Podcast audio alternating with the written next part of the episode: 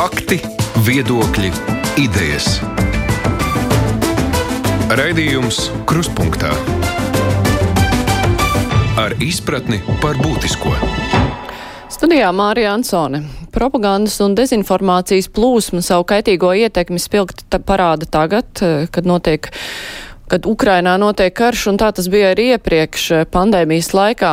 Tas liek domāt par vājajām vietām mediju telpām. Kopš Krimas okupācijas mediju telpas stiprināšana ir saukta par prioritāri, bet kā tas ir izpaudies praksē? Kas vēl ir darāms, un vai atsevišķi ir jādomā par latvisko un krievisko mediju telpu, vai arī tās ir jāskata kopā kā viens veselums. Par to mēs runāsim tagad. Diskusijā piedalās Saimnes cilvēktiesību un sabiedrisko lietu komisijas mediju politikas apakškomisijas vadītāja Vitānta Tērauda. Labdien! Labdien! Tāpat arī Baltijas mediju izcelības centra izpildu direktora Gunta Sloga. Labdien! Labdien! Kopā ar mums ir arī sabiedrisko elektronisko plašsaziņas eh, līdzekļu padomes, jeb sepulpa pārstāve Sanita Uplē Jēgermane. Sveika, Sanita! Labdien! Un arī Nacionālās elektronisko plašsaziņas līdzekļu padomes, jeb Nepalpa uh, vadītājs Ivars Āboliņš. Labdien! Labdien! Vispirms uh, runājot par to, cik stipra vai vāja ir eh, mediju telpa Latvijā, vai tas ir nosakāms kaut kādās tādās izmērāmās viedī, vienībās, un, ja, un ko šādi dati vispār stāsta, Gunta? Mm, ļoti, ļoti plašs jautājums, un es domāju, ka tāda pētījuma par mediju telpas stiprumu, man liekas, nevienam nav. Protams, ir dažādi dati par, par to, cik liels ir finansējums, cik lielas ir auditorija reitingi un tā tālāk. Es domāju, tā kā.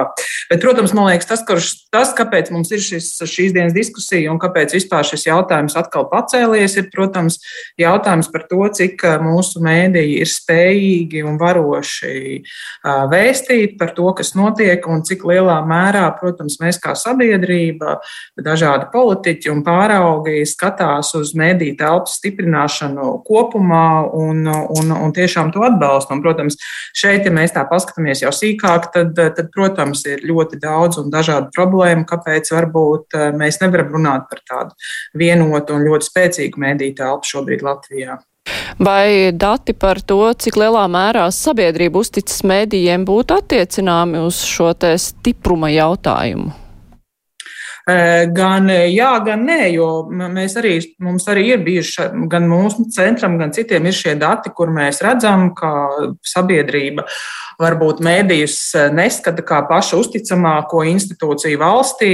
Un, un šeit ir problēma. No vienas puses, jā, pašiem mēdījiem būtu jādara vairāk, bet no otras puses mēs arī redzam, ka šobrīd ir dažādi grupējumi, tā skaitā arī politiķi, kuri ļoti tīši izmanto šo jautājumu par uzticību mēdījiem un mēģina viņu visiem spēkiem graut. Jo, protams, ka arī mūsu sabiedrībā ir cilvēki, kuri nevēlas spēcīgus un neatkarīgus mēdījus. Es jau pieteikumā pieminēju jautājumu, vai ir jāskata atsevišķi latviski, e, latviešu valodā raidošie un rakstošie mēdīji un tie, kas darbojas Krievu valodā un domāt Krievu auditorijai, vai arī tomēr ir jāskatās uz to visu kopā, Ābolinkungs, Protams, kad ir jāskatās uz kopējo mediju informatīvo telpu, nav tādas latviešu informatīvās telpas un nav tādas mazākumtautību informatīvās telpas. Ir visas Latvijas informatīvā telpa.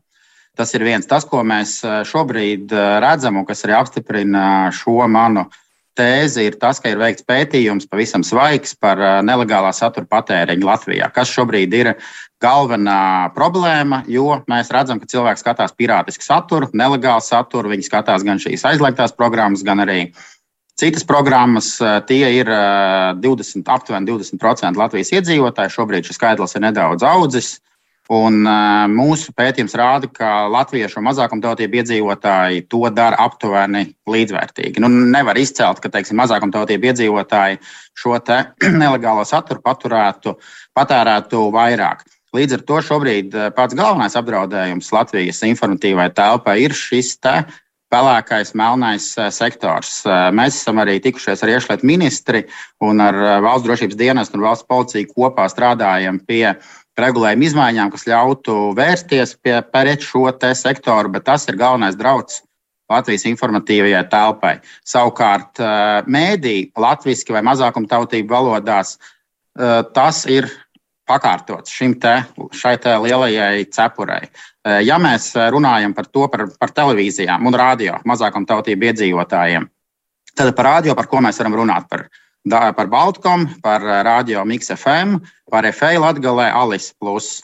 Tā, tās ir radiostacijas, kas raida mazākumtautību valodās, un, protams, lielais sabiedriskais mēdījis LR4. Savukārt televīzijām ir tāda daļēji LTV 7. Tad mēs varam runāt par mediju streamu Daugopilī, par 8 TV tetam, kas ir Latvijas mēdījis. TV3 plus nav Latvijas mēdījis, tas ir ārvalstīs reģistrēts mēdījis. Un mēs nevaram runāt par to, kā par Latvijas mēdīju, kurš varētu pretendēt uz, uz finansējumu. Tātad eh, tie ir tie lielie spēlētāji, kas raida mazākuma tautību valodās.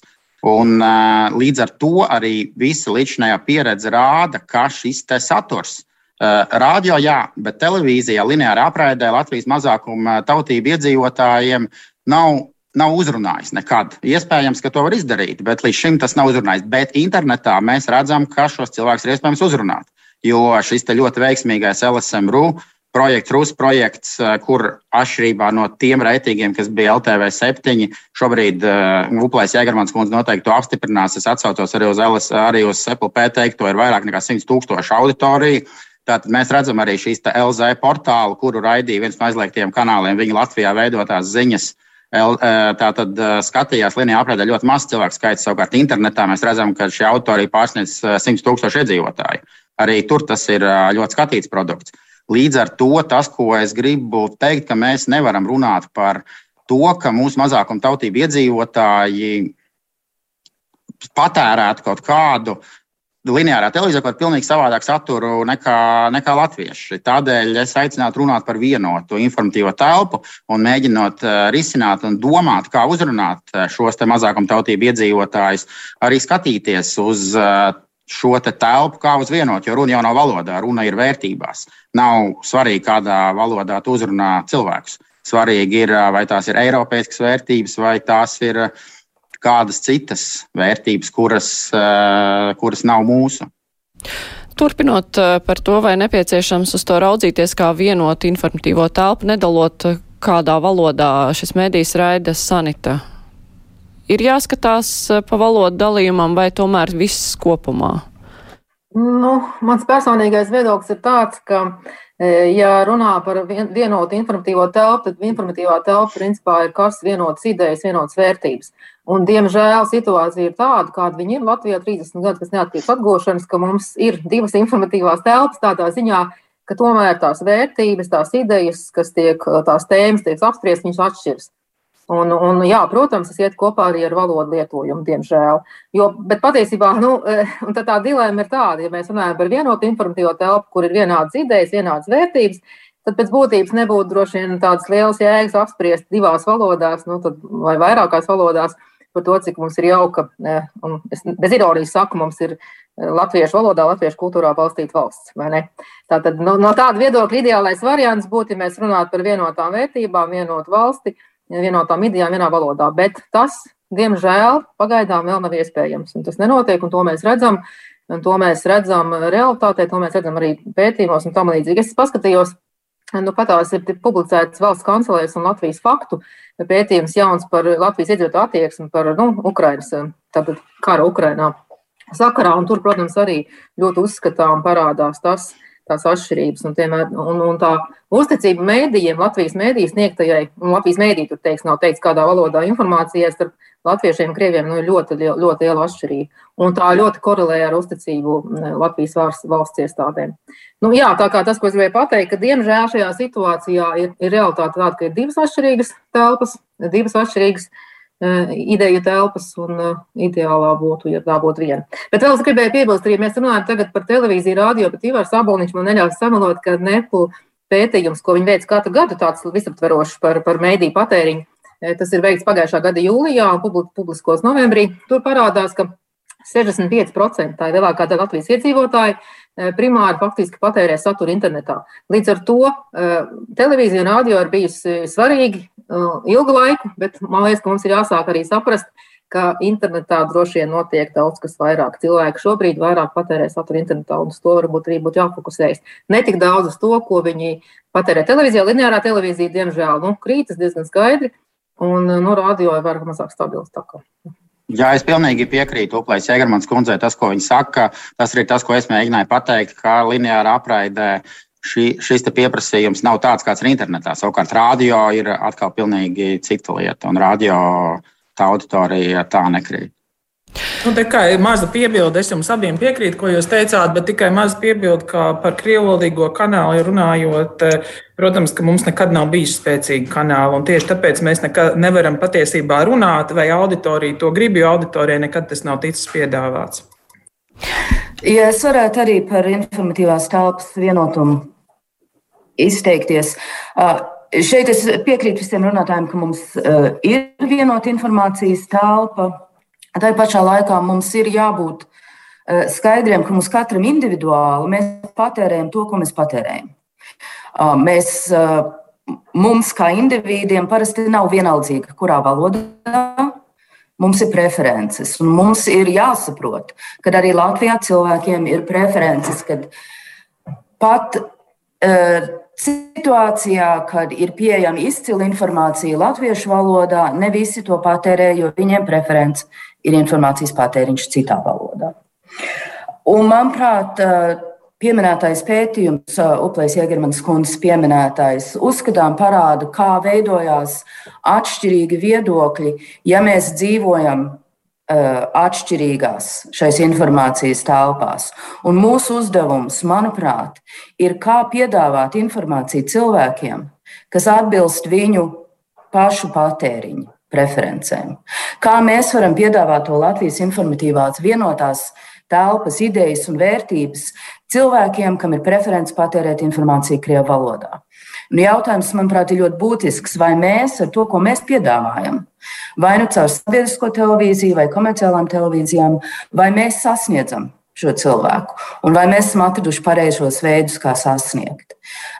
Minētie dati par LTV 7, lineāro apraidi, kad šis formāts tam nav izdevies sasniegt, ievērojamu skaitu iedzīvotāju. Man liekas, mūsu uzdevums ir pirmkārt nodrošināt, ka mums ir ko piedāvāt, tas ir saturs, un otrkārt meklēt visefektīvākos ceļus, kā šis saturs nonāk pie tās auditorijas daļas, kurai ir preference patērēt informāciju Krievijas valodā. Iepriekš Aboliņkungs minēja, ka šobrīd svarīgākais ir runāt par, nu, ja mēs runājam par eh, mediju telpas eh, stiprumu, svarīgākais ir runāt par to, nu, kas apdraud šo mediju telpu, respektīvi tas ir nelegālais saturs, jo, nu, tagad, eh, kad ir slēgti Krievijas kanāli, ir daudzas interneta vietnes nav pieejamas, tas nozīmē, ka, nu, ir radies kaut kāds tukšums, kuru cilvēki mēģina aizpildīt, un iespējams tas ir tas nelegālais saturs. Gunta, vai tā ir galvenā problēma, uz ko ir jākoncentrējas šobrīd?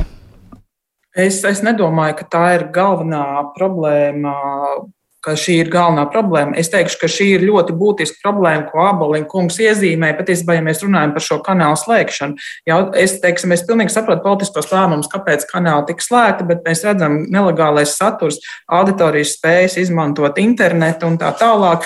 Un, un tad mēs varam lasīt, Delfos bija lieliska reportāža, kura noslēdzas ar stāstu, kā, kā patvērtajiem logiem redzams, kā, kā cilvēks skatās slaveno šovu balss ar Poļinu Gagārinu līmeni. Ja? Teiksim, tā kā es neteiktu, ka šis ir nelegālais saturs, ir vienīgā problēma. Manuprāt, tas, ko Tēraudas kundze ļoti skaidri iezīmēja, galvenā problēma ir tā, ka mums ir daļa auditorijas, kura, diemžēl, pagaidām un viņa gadiem nav, nav spējusi tātad, uz, eh, saņemt šo vietējo informāciju. Jo, jo, protams, ka mūsu primārais uzdevums, stiprinot mūsu informācijas telpu, ir runāt par šīm mūsu vietējām vērtībām, par mūsu valstiskajām prioritātēm un tā tālāk. Un, diemžēl pagaidām ir šī auditorijas daļa, ar kuru jārunā krieviski. Tā kā, protams, eh, kanāli nelegāli ir problēma, bet tā nav šī lielā problēma, šī cepura problēmas. Tā nav. Tā ir viena no tādām sekundārām, kas, diemžēl, mums kavē sasniegt sasniegt šīs auditorijas. Es gribēju piebilst, ka kanāla slēgšana nav politiski lēmumi, jo šie lēmumi pirmkārt ir jāizstāv Eiropas komisijā, un otrkārt ir saistīti arī ar sankcijām. Tam nav nekāda sakara ar politiskiem lēmumiem, un tas, tas ir ļoti svarīgi to piebilst. Otrkārt, es tomēr gribētu teikt, ka tā lielā mērā ir cepures problēma, jo, ja tie cilvēki aizplūdīs prom, nebūs kas arī skatās šādu jaunu kanālu. Mums ir jārunā par to, lai arī veidojot, pat ja tiek šāds kanāls veidots, lai būtu, kas viņu skatās. Taču, manuprāt, tā lielā problēma, par ko arī būtu, būtu jārunā, un kas, manuprāt, ir, ir tā, tā, tas, tas, kas veido tās divas telpas, iespējams, par ko arī visi runā, ir ka, ja mēs paskatāmies eh, šo pašu saturu mazākumtautību valodās, es, piemēram, skatījos piekdienu tiešām ļoti interesantu raidījumu, tiešām bez ironijas to saka, Aleksis Dunda intervēja kādu Krievijas vēsturnieku. 42 minūtes viņi runāja par Krievijas vēsturi, par Krievijas impērismu vēsturi. Duns kungs ir liels eksperts šajos jautājumos, tas raidījums bija ļoti aizraujošs.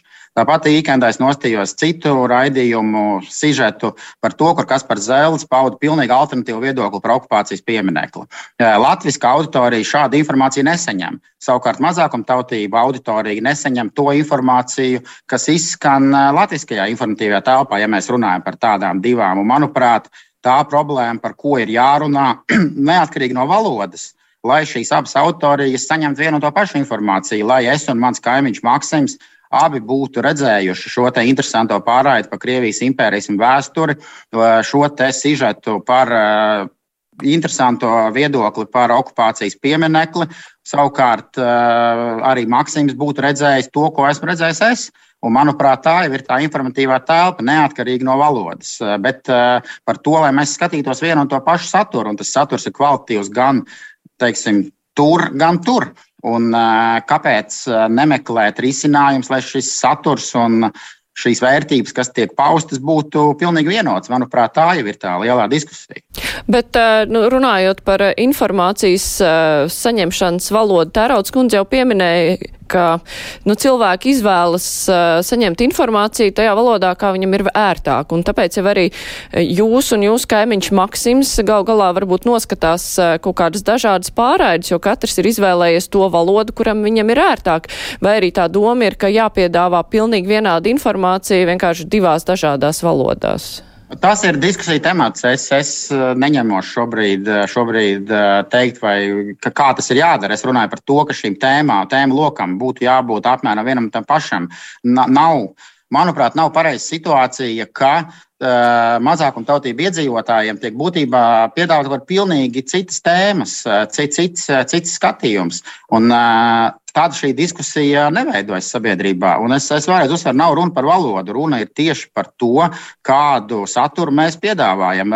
Arī, ja mēs par Delfiem runājam, kur, kur vakar droši vien Twitterī visi redzēja šo te virsrakstu, kāds ir bijis latviešu valodā rakstošais Delfos un kāds krieviski rakstošais Delfos, tie, tie virsraksti jau pilnībā atšķirās par, par noziegumiem. Ukrainā, kas ir pastrādāti. Manuprāt, ir jārunā par to, par to, lai šī redakcijas dzīvotu vienotā informatīvajā telpā un lai kopīgas vērtības, eiropeiskas vērtības tiktu nestas visai Latvijas sabiedrībai. Svarīgākais ir eiropeiskās vērtības šobrīd. Manuprāt, ir, ir iespēja šobrīd sabiedrību apvienot uz šo eiropeisko vērtību pamatu. Un tam ir jābūt galvenajam diskusijas tematam. Eh, Gunta, pēc maza brīža es vēl sanitai gribēju vaicāt, nu, ja mēs teikt paraugamies tīri uz sabiedriskajiem mēdījiem, kur ir gan latviešu, gan krievu redakcijas, gan radio, gan televīzijā, vai ir iespējams kaut kā regulēt, nu, pateikt, ka tēmu lokam ir jābūt uh, līdzīgam, ka katrai auditorijai, lai nav eh, cita tēma. Tā kā tas bija, piemēram, nu, šajā gadījumā runājot par eh, Latvijas eh, televīzijas abiem kanāliem. Uh, nu, televīzijas kanāls, teiksim, LTV7 jau nav krievu valodā kanāls. Tur ir daži raidījumi, kas, starp citu, nu, tātad vēl līdz šeit Ukrainas uh, krīzē bija tikai ziņas no septembra bija palikušas viens raidījums, un tagad, nu, tad ielika vairāk, tā kā cilvēks sasniegt, teiksim, tā, tā kā par, par televīziju runāt, tā kā latviešu un krievu kanāls nevar, Latvijas rādio ir LR1, tātad vairāk kanāla latviešu valodā, un, un tad LR4, Bet, kā jūs zināt, tad ziņu dienas ir vienots, vai ne? Latvijas rādio un Latvijas. Tā kā tur ir kaut kāds vienots. Bet, bet tas, ko es gribu pateikt, teiksim, tas, ko Ivars saka, aboliņš, tam visam piekrītu. Es arī teicu, ka ideāls ir tā vienotā telpa, bet tā pieredze Latvijā ir tāda, ka tas nestrādā. Ir bijusi tulkotā diena, ir bijuši dažādi mēģinājumi, tas vienkārši nestrādā. Diemžēl cilvēki Nu, tātad, nu, ja, un, ja mēs strādājam auditorijai, tad nav jēgas piedāvāt kaut ko tādu, ko cilvēki vienkārši nepatērēs. Un es pateikšu uzreiz arī, ko var redzēt patiesībā. To var redzēt, nu, arī pat, tā saka, skatoties publiski, nav vajadzīgi iekšējie dati, piemēram, te pašā Rusija LSM un Latviešu LSM, tur, kur ir tādi nu, populārākie, populārākie raksti sarindojās. Nu, tad cilvēki viņus lieto. Un to mēs redzam, eh, ka, kas cilvēks interesē. Teiksim, tad, kad sākās šis karš Ukrainā, no latviešu LSM, protams, tās nu, tieši nu, ziņas par Ukrainu, par karu dominēja. Absolūti, Rusi LSM eh, mazāk stipri dominēja karas eh, ziņas par karu. Tur vairāk bija tā kā apmēram praktiskā informācija, nu, kas, kas to nozīmē, ko tagad ar sankcijām, nu, kas tagad cilvēkiem. Un tas pats ir patiesībā jāanalizē arī publiskie dati, gēmijos, dati pieejamie visiem par internetu patēriņu. Tad es teiksim, esmu analizējis latviešu dēls, krievu dēls, latviešu LSM, rusu LSM. Mēs redzam, es saliku Covid laiku piemērs tagad ka patiesībā arī tas, ko mēs redzam, ka tad, tad kad lasa krievu valodā, viņus vairāk interesē praktiskā informācija. Un, un tāds uzrāviens, kāds bija Covid laikā, ja sevišķi pirmā viļņa laikā, tāds nav sasniegts arī tagad ar visu to, kur USLSM e, labi strādā, tur daudz vairāk satura un tā līdzīgi. Ko es ar to gribu pateikt? Ka, e, ka tātad šīm auditorijām, kas patērē dažādās valodās, ir dažādas vajadzības. Tātad latviešu auditorija meklē gan praktiski informāciju, gan, teiksim, par pasaules lietām, par Ukrainu. Krievu valodā eh, auditorija, kas lieto informāciju, viņi meklē vairāk praktiskās lietas, nozīmē, ka viņi tām lielām lietām citām vienkārši varbūt neuzticas. Un vēl es piebildīšu par to eh, saturu Krievu valodā eh, Latvijā, ko patērē. Nu, mums jāņem vērā, ka mēs nerunājam tikai par cilvēkiem mazākumtautību pārstāvjiem, kas varbūt mājās runā krieviski, ļoti daudz latviešu arī eh, daudz patērē saturu krievu valodā. Ir sevišķi izklaides, nu, kamēr arī bija tie kanāli, izklaides un tam līdzīgi. Jo, ja mēs paskatāmies tīri matemātiski, tad, nu, paudze, teiksim, nu, man ir 49 gadi, es tā rēķinu, ka es esmu, laikam, pirmā paudze, kur cilvēki saskārās, nu, darba, darba dēļ, teiksim, viņi varbūt angliski zina labāk nekā krieviski šobrīd, Bet tad paskatāmies, cik liels iedzīvotāju skaits, teiksim, mana vecāka un tam līdzīga paudze, ir cilvēki, kam jau ir tikai krievu valoda, otra valoda. Un tas, nu, tas vienkārši ir objektīvi. Ja viņiem, plus viņi ir auguši, varbūt arī dzīvojuši kādu laiku tādā, nu, tajā telpā padomu, nu, līdz ar to, tad, nu, ja mēs runājam par patēriņu krievu valodā, par izklaidējošu satura seriāliem, tad tas skar arī ļoti daudz latviešu, ne tikai mazākuma tautības. Jā, nu, par, par šo mēs runāsim arī vēlāk, Gunta, par Jā, to, kā iespējams. Gribēju piebilst par šo krievulodīgo saturu un kopējām vērtībām. Te ir jāatceras, protams, viens ir, ko Ivars minēja par šo Delfu gadījumu. Es te es domāju, drīzāk ir jautājums par mēdīju atbildību visiem, gan latviešu, gan krievu, jo mēs gandrīz katru dienu varam kādā mēdījā pamanīt šos gadījumus, kad kāds nav avots nocitējis vai fiksi ātri darot ielicis Krievijas citāts vai ko, kas nav pieļaujami. Šis, es domāju, drīzāk ir par to mēdīju kopēju atbildību, nevis krievulodīgo mēdīju. Bet es gribētu, nu, teiksim, lai mēs paskatāmies, piemēram, kas notiek Daugavpilī. Es nezinu, cik daudz jūs sekot līdzi, bet, piemēram, un te tad ir jautājums par to, cik lielā mērā mēs atbalstam kvalitatīvus vietējos mēdījus arī Krievu valodā, jo mēs redzam, ka vairāki portāli, kas ir vadoši Daugavpilī, par karu vispār tikpat kā nerunā. Viņi runā tikai par, par bēgļiem, par kaut kādām šīm vietējām problēmām, humāno palīdzību un tā, kas, nu, protams, tad ir tās vietējās autoris interesē, kas ir, zinām, mērā es pat to saucu par tādu pašcenzūru. Un vienīgais portāls, kas raksta par karu, ir Čaika, kur arī tātad izplatīja šo paziņojumu prezidentam, un es saprotu, ka viņš ir arī ar viņiem ticies un tā tālāk. Bet kas bija viņiem? Viņiem tiesībā nebija viegli, jo no sākuma daļa auditorijas no viņiem vienkārši atteicās. Ja viņi pateica, ka jūs ejat eh, mums naidīgā, naidīgā informācijas telpā, jo jūs atbalstat Ukrainu. Tā kā šeit ir arī jāsaprot šīs lietas, ka patiesībā mums būtu, mēs runājam par šo skaistu informācijas telpas aizsardzību, bet patiesībā daļa tīpaši šo mazo krievalodīgo mēdīju, kuri tiešām ir par neatkarīgu valsti, par šīm eiropiskām vērtībām, viņi arī šobrīd ir ļoti, ļoti tādā nu, trauslā situācijā. Jā, mēs tūlīt turpināsim. Es tikai atgādināšu klausītājiem un vēlāk Latvijas televīzijas skatītājiem, ka šodien kopā ar mums ir no Saimnes mediju politikas apakškomisijas vadītāja Vitānda Tērauda, no Baltijas mediju izcilības centra izpildu direktora Gunta Sloga, no Sepelpa pārstāve Sanita Uplēja Jegermanu un no Nepelpa padomu sadītājs Ivar Sāboliņš. Mēs tūlīt turpinām. Raidījums Krustpunktā. Tērauds kundze, jūs pirms tam minējāt, ka ir jādomā par to, kā padarīt uh, šo informāciju atbilstoši patērētāju vajadzībām, un galvenais ir, lai šos cilvēkus sasniegtu. Mums jau droši vien, ir jārunā arī par kaut kādiem konkrētiem priekšlikumiem. Es nolasīšu vienu klausītāju vēstuli, kurš norāda, ka pietiekami liela daļa Latvijas iedzīvotāju, sevišķi pensionāri un netik turīgi iedzīvotāji nevar atļauties pirkt komerc televīziju pakalpojumus, tāpēc skatās bezmaksas kanālus un vai LTV 1, LTV 7. Un, tāpēc nu, viņš ierosina, ka, lai pievērstu cilvēkus Uh, novērst no Maskavas propagandas un pievērst objektīvai informācijai, tad viņiem vajadzētu tur pievienot kaut ko arī bez maksas šos Krievijas kanālus, piemēram, Karentime, kas ir Nastajašie Vrēmi, varbūt vēl kādu. Vai šādā aspektā arī tiek domāts, ja mēs runājam par to, nu kā tad to pareizo, labo informāciju nogādāt līdz cilvēkiem, vai tik smalki tas pagaidām vēl netiek uh, skatīts? Uh, šobrīd, es domāju, ir uh, apspriešanā visdažādākās iespējas. Ir, uh, protams, jautājums, vai uh, turpināt uh, līdz šim, kā ir LTV septiņa pārraides, uh, vai ir uh, iespējams sapakot sabiedriskā mēdīja saturu citā formātā un dabūt līdz klausītājiem, proti, šis kabeļu kanāls. Uh, ir arī iespēja, protams, um, mēģināt atrast veidu, kā sabiedriskā mēdīja saturu var piedāvāt pārraidīšanai komerces kanāliem. Piedāvāt tādā veidā, ka nu, sanāk reāla sadarbība, jo tad tiek pie tām auditorijām, kas ir jau piesaistītas konkrētam kanālam. Tagad es domāju, ir daudz veidi, kā mēs varam mēģināt sasniegt. Es eh, neizslēdzu nevienu no šiem veidiem. Man liekas, ir jāskatās, kas ir tas, eh, kas var nodrošināt šo ceļu līdz auditorijai visefektīvāk. Un es domāju arī, ka tas nebūs viens ceļš, ka šeit būs pa vairākiem ceļiem jāsniedzās, pie, nu, jātiecās pie auditorijas.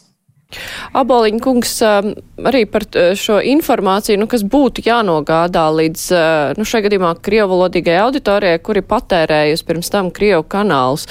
Vai mums galvenais viņas ir pieslēgt Latvijas informācijas telpai, stāstot par to, kas šeit notiek, lai viņi nedzīvotu tur garīgi Krievijā, bet um, vai arī, nu, kaut kā nodot to ziņu, lai izrautu viņus no tās Krievijas propagandas laukā un viņi iegūtu nu, objektīvu ainu par to, kas vispār notiek pasaulē, tas, kas šobrīd ir svarīgi.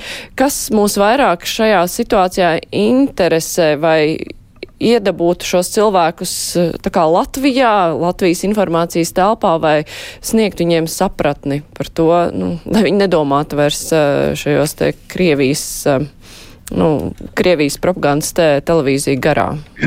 Bez šaubām ilgtermiņā mērķis ir lai šie cilvēki dzīvotu Latvijas informatīvajā telpā. Un ir jāsaprot, ka šobrīd, izraujot šos kanālus, izraujot viņus no šiem kanāliem ārā, kurus viņi bija iemīļojuši un kur viņi skatījās, un, protams, ka ir kultūras šoks gan mazākumtautību iedzīvotājiem, gan latviešiem, kas to skatījās. Taču ir jāsaprot, ka tirgus jau nepaliek, tās nišas nepaliek brīvas. Un, protams, šis kultūras šoks pēc pusgada, gada pāries, un ir Latvijā reģistrēts vairāk kā 60 programmas krieviski mūsu reģistrā, kuras kabeļoperatori var piedāvāt. To pašu karantīnu piedāvā gandrīz visi kabeļoperatori. Daži ir palikuši, kas nepiedāvā. Uh, ir ļoti daudz humora šovu, filmu šovu, filmu kanālu, ko var skatīties. Un to īsto rezultātu jau mēs redzēsim tikai pēc pusgada, gada, kad šis kultūras šoks būs pārgājis. Un mēs redzēsim, ko šie cilvēki skatās. Taču pilnīgi skaidrs, ka uh, viņi skatīsies kaut ko citu, un uh, tas normalizēsies. Un tādēļ mūsu galvenais mērķis bez šaubām ir šos cilvēkus pievērst Latvijas informatīvai telpai, uzticamam saturam.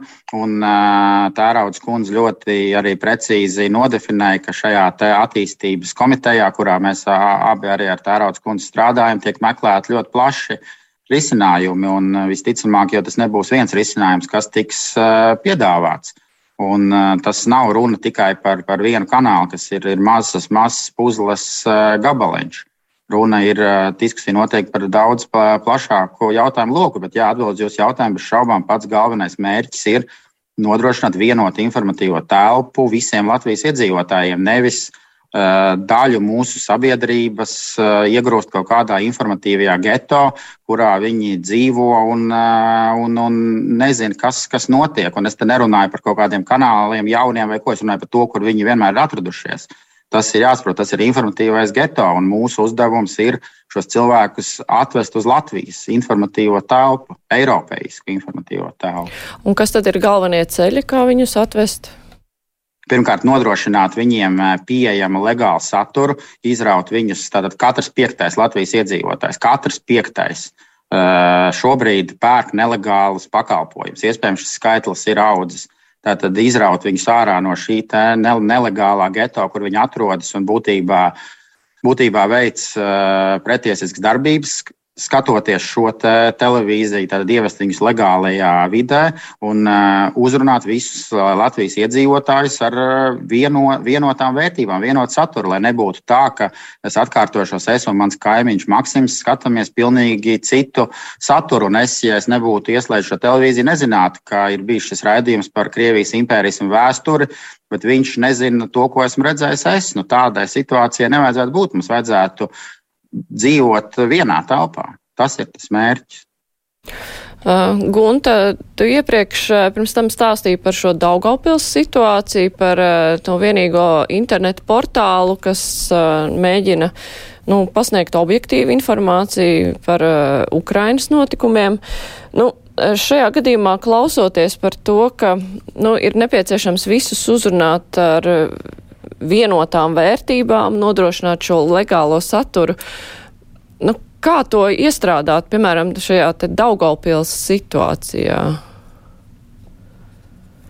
Nu, teiksim, es, es, es pilnībā atbalstu, jā, ka mums ir jābūt tai vienotajai telpai, bet, bet mē, ja mēs redzam šo, nu, teiksim, šo reālo dzīvi, tad, tad, diemžēl, tas ir ļoti, ļoti grūti. Un šobrīd tā ir, tāpēc mums ir jādomā, man liekas, arī es ceru, ka komitejai būs šie vairāki risinājumi. Arī domājot ne tikai, jo es piekrītu, televīzijas kanāls nav risinājums. Viens ir, kā mēs tiešām dažādās platformās, dažādām auditorijām piedāvājam šos risinājumus. Un, protams, man liekas, nu, Čaika ir ļoti, šis portāls neatkarīgais ir varbūt tāds uz Latvijas mēroga ļoti mazs, bet viņš ir lielisks piemērs Daugavpils mērogā, kurš parāda, parāda patiesībā, ka tas, ko mēs visi šeit šodien runājam, ir iespējams, bet ļoti pakāpeniski, jo, jo viņi sāka pirms eh, četriem gadiem žurnālisti, kuriem bija apnicis tas, ka lielākā daļa Daugavpils šo esošo mēdī ir saistīta ar vietējo pašvaldību vai vietējiem politiķiem. Viņiem tas viss bija apnicis un viņu mērķis bija veidot neatkarīgu žurnālistiku. Jāsaka, protams, ka viss viņu šī brīža darbības lielākoties ir finansēts no ārvalstu donoru naudas, kas, protams, ir zināmā mērā ironiski. Bet, lūk, un, un šis ir patiesībā mazs, bet ļoti spilgts piemērs tam, kā ir iespējams, tātad balstoties uz šiem vienotajām vērtībām, iespējams pagaidām Krievu valodā, būt neatkarīgai žurnālistai, kur vēsta. Un varbūt kas ir tas ļoti būtiskais, kur jā, kad sākās Ukraiņas karš, viņiem tātad bija šī milzīgā trolēšana, daļa viņiem uzbruka, galvenai redaktorei cilvēki gāja otrā ielas pusē un teica, es ar tevi nerunāšu, un viņiem kritās lietotājs skaits. Bet kas ir tas pozitīvais, ko viņi redz pēdējās nedēļās, ka viņiem atkal sāk pievienoties lietotāji, kas nozīmē, ka ir cilvēki, kuri novērtē šo kvalitatīvo, objektīvo saturu arī tādā Daugopilī. Tikai tad, ja mēs piedāvājam šo saturu, kā arī Abolikungs to teica, tikai tad mēs varam arī pilināt, bet, bet tas ir ļoti, ļoti pakāpeniski, un to parāda arī Igaunijas televīzijas gadījums, kur arī es gribu uzsvērt, ka mums nevajag runāt par televīziju kā tādu, bet par pašu šo saturu, kas tiek pie, piedāvāts ļoti kvalitatīvs, neitrāls, objektīvs. E, viņiem bija nepieciešami vairāki gadi, lai šīs auditorijas piesaistītu. Un arī mums šeit, domājot par šīs dienas risinājumiem, diemžēl tas nav viens dienas jautājums. Tiešām kā mēs caur dažādiem formātiem šo saturu, kas mums tiks ražots, cerams, piedāvāsim šai auditorijai. Jā, bet Gunte Igaunijas piemērs bija tāds, ka autori uzkāpa, kad viņi sāka iepirkt izklaides saturu. Arī tas ir jāatzīst. Nē, nu, tas atvainojas Igaunija auditorija ETV plus ir 1,5% mm. no skatīšanās daļas. Tā ir ļoti maza pēc daudziem gadiem. Es nu pats skatījos februārī, un tā viņiem tas ir. Jā. Un viņiem gandrīz dubultojās pēc tam, kad viņi sāka iepirkt izklaides saturu, pirms tam viņi bija vēl mazāk. Nu jā, jā tas, arī, tas ir arī. Kanāli. Tāpēc, es pat mm. ETV1 ir 18, apmēram 19%, 16%. Es tieši februāra datus skatījos, nu pat tās igauņu valodā. Un ETV2 kanāls arī viņu, tas ir igauniski, tas ir 2,6, un tad ETV plus, kas ir krievu valodā 1,5, nu, kas nozīmē arī pie visu Igaunijas lielā finansējuma tam līdzīgi, nu, tad, nu, tie nav kaut kādi ļoti milzīgi. Nu jā, bet tev ir jāstāsta attiecībā pret krievolīgo auditoriju, ne, bet nevis pret visu. Bet tomēr, jā, bet... tas, ko es gribu pateikt, Igaunijā, protams, ir liela arī krievolīgo daļa salīdzinājumā salīdzinoši nu, proporcionāli kā Latvijā. Tas, ko es gribu pateikt, man liekas, tas zilonis tajā istabā, par ko mēs negribam īsti runāt, ir jautājums tas, ka mēs gribam eh, piedāvāt cilvēkiem, bet vai viņi grib skatīt, vai viņiem ir vajadzīgs tas saturs. Un man liekas, ka nu, tā, tā saruna ir jābūt arī par to, ka, diemžēl, eh, mums ir pienākums kā valstī, un, un, un tas, ko Ivars Aboliņš un Vita Tērau teica, jā, tur pārstāv mans kolēģis Jānis Siksnis, mūsu padomi, tur tiek strādāts, un, un tas pienākums ir mēģināt un piedāvāt. Bet eh, nu, redzēsim, vai tas izdosies, jo tā ir cilvēka izvēle. Un mums jārēķinās arī ar to, ka lielā mērā šīs mazākuma tautības latviešu lielais skaits, krievulīdīgie cilvēki, nu, viņi ir savā ziņā kā trimdā latvieši. Visi tērauda droši vien zina, kā tas ir, ka viņi dzīvo tomēr, nu, tur nu, tādas divas tā kā identitātes. Un vai mēs no tās kādreiz tiksim vaļā vai nē, es, es nezinu. Man liekas, ka tas ir ļoti liels. Un, ja to neņem vērā, tad, protams, nu jā, tad ir varbūt tās grūti izskaidrot to, kāpēc, kā šie cilvēki domā, ko viņi dara un, un kā viņi rīkojas. Bet, bet tas, ko Abalinkungs minēja par šo izklaides sadaļu, Nu, tomēr, ja mēs paskatāmies, kāpēc um, bija tik ļoti liela pievilcība šiem Krievu kanāliem, nu, cilvēki jau sākotnēji taču skatās tavu to izklaidi, nebija jau meklē ziņas, un caur to izklaidi arī latviešu auditorija tika ievilkt tajos kanālos, un tāpēc arī pēc tam skatījās tās ziņas. Tā izklaidi jau ir tomēr tā būtiskā komponente. Tas ir šausmīgi dārgi savukārt, vai to var kaut kā nodrošināt, kompensēt, nu, lai cilvēkus tad piesaistītu tiem pašiem. Nu, es pat nerunāju tikai par eh, televīzijas kanāliem, bet uh, arī par citām platformām. Nu, jāsaprot, jo tā izklaide ir tā, tās propagandas narratīva ir visvairāk, gan humora šovos, gan filmās, kurās vienmēr izrādās, ka, ka, ka Krievijas prezidents ir, ir, ir labais vai labais izmeklētājs. Izrādās beigās Omanietis, kurš ir piedalījies iekšlietu ministrijas atbrīvošanai no fašisma Un, un, un, un, un, un tā, tādas lietas, nu, humora šovos vienmēr izrādās, ka pa Krievijas eh, vadību pasmējās ironiski un, un rietumu līderi eh, tiek izsmieti un, un pazemoti. Un caur, caur, eh, caur šiem šoviem un caur šo izklaidi jau arī tas viss Krievijas narratīvs tiek nodots mūsu prātos, gan latviešu, gan mazākumtautību. Tieši tā, un tāpēc vai ir un, kaut kāda alternatīva, ko piedāvāt? Bet nav jau alternatīva, nav tikai krievu filmas vai krievu šovi.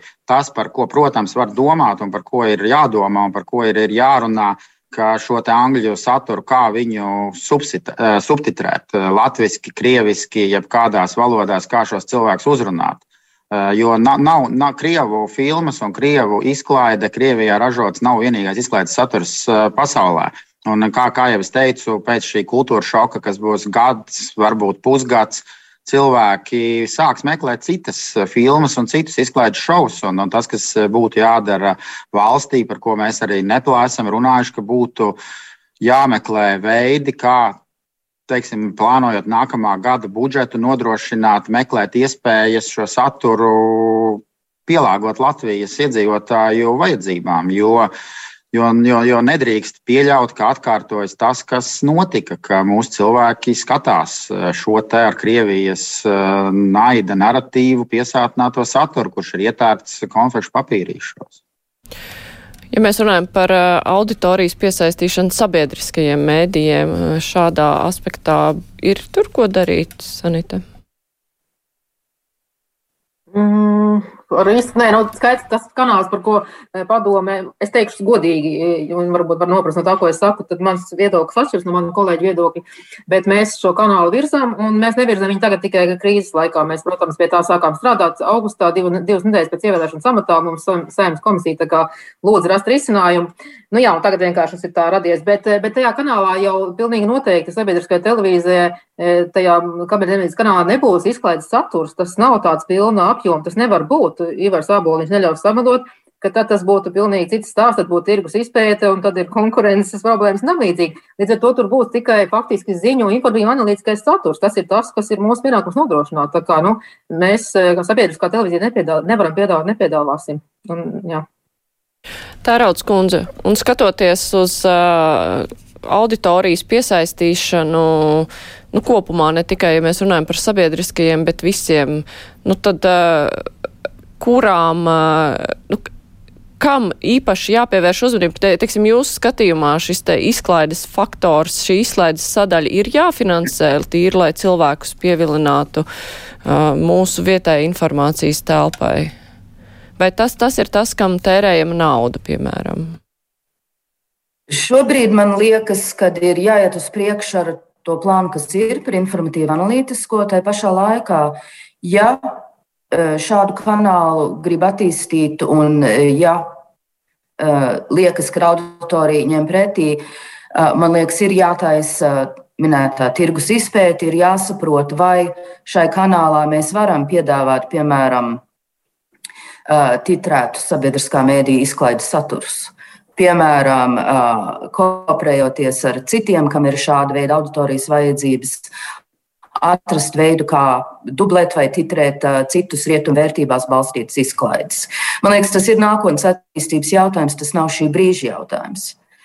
Jo šobrīd ir licence, kas ir, ir iespējas, kas, nu, kas pavarās līdz ar šo, bet viņas nav bezizmēra iespējas bez pārveides bez, kā Uplēs kundze minēja, tirgus izpētu un jautājumu, nu, tādu veidu jautājumu.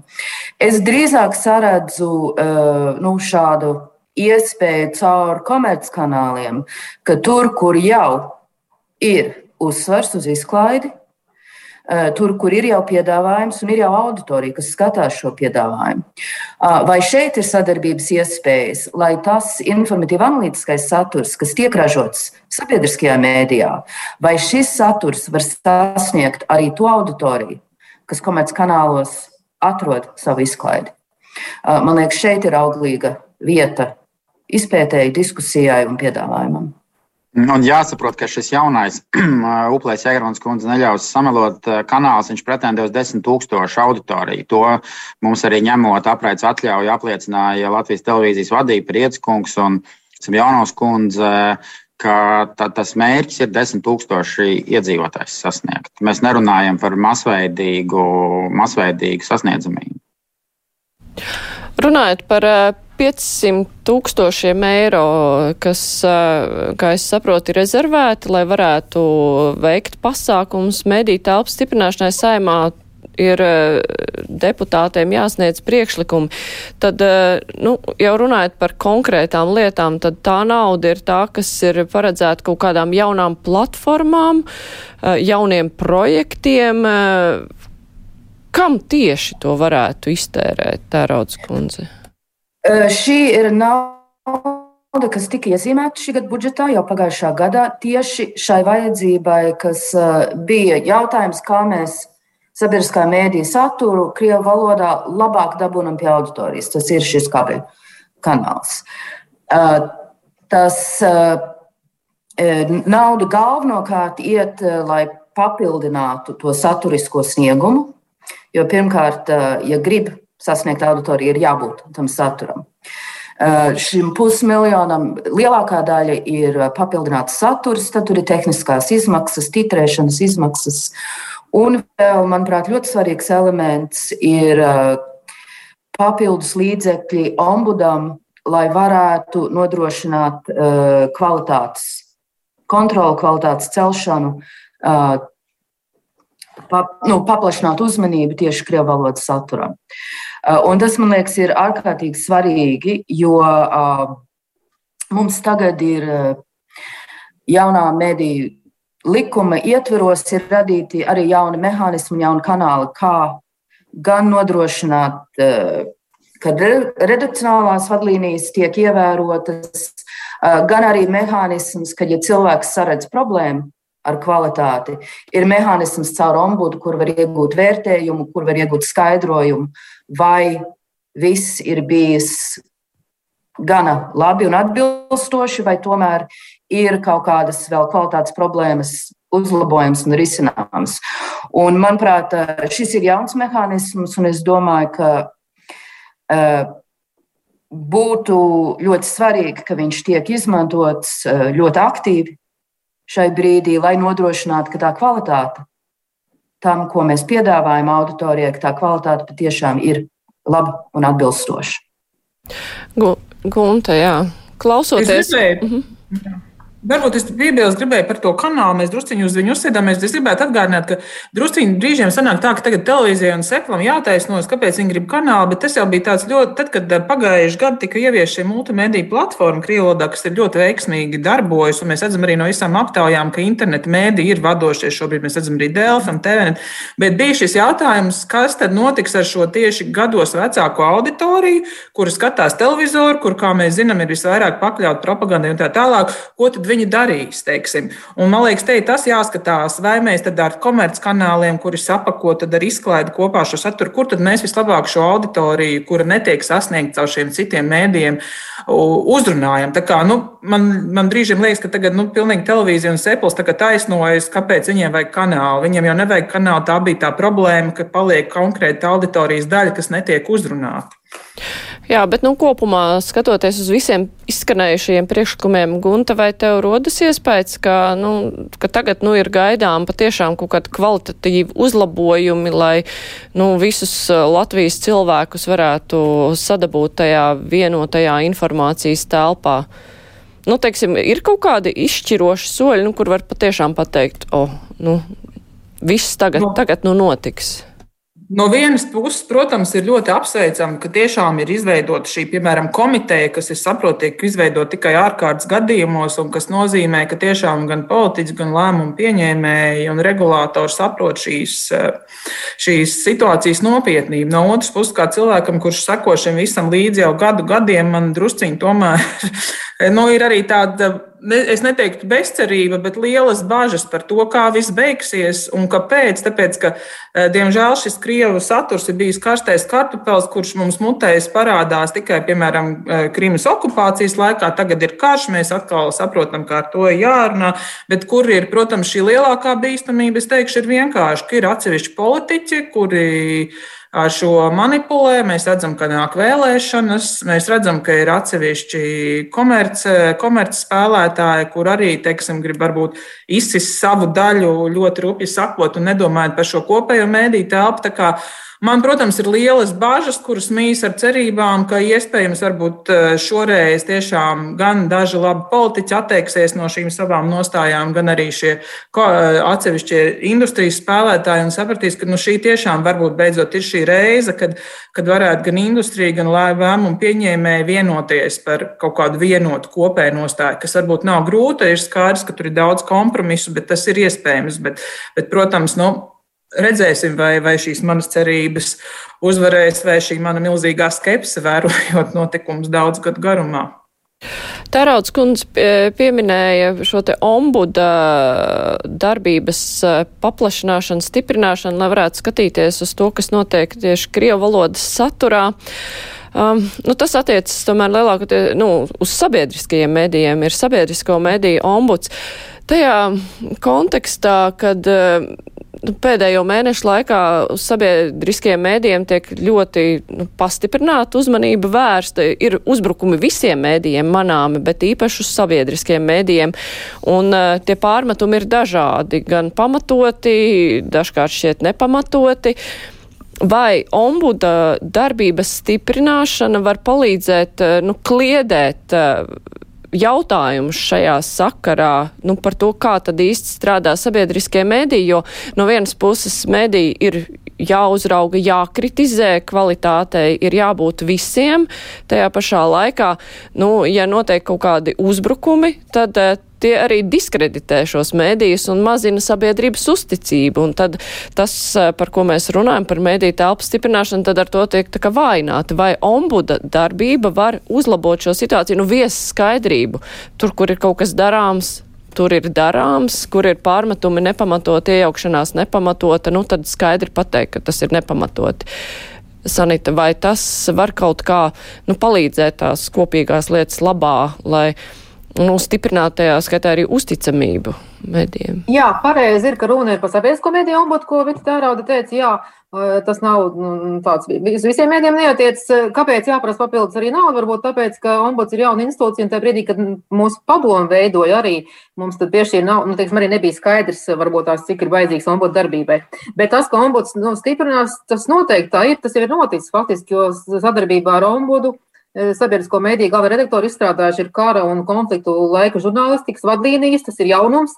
Un kopumā faktiski šis jaunais likums, jaunā padome, šīs mm, sabiedrisko mēdīju pārvaldības reforma ir radījusi lielas pārmaiņas. Eh, nu, Latvijā pirmo reizi ir eh, sabiedriskiem mēdījiem galvenā redaktori, ir ombuds. Tam vajag kaut kādu laiku, lai iestrādātos, jo sabiedriskie mēdīju redaktori galvenie sāk strādāt, tad Sigita Roķe 14. februārī, Anita Brauna 1. martā, nu šodien ir 5. aprīlis, jā. Ja? un arī Anna Rožkalna ombuds sāk strādāt 1. aprīlī. Bet tas noteikti uzlabos, tur jau lietas notiek, jau cilvēki vēršas un vienkārši mazliet vajag pacietību, mazliet laika.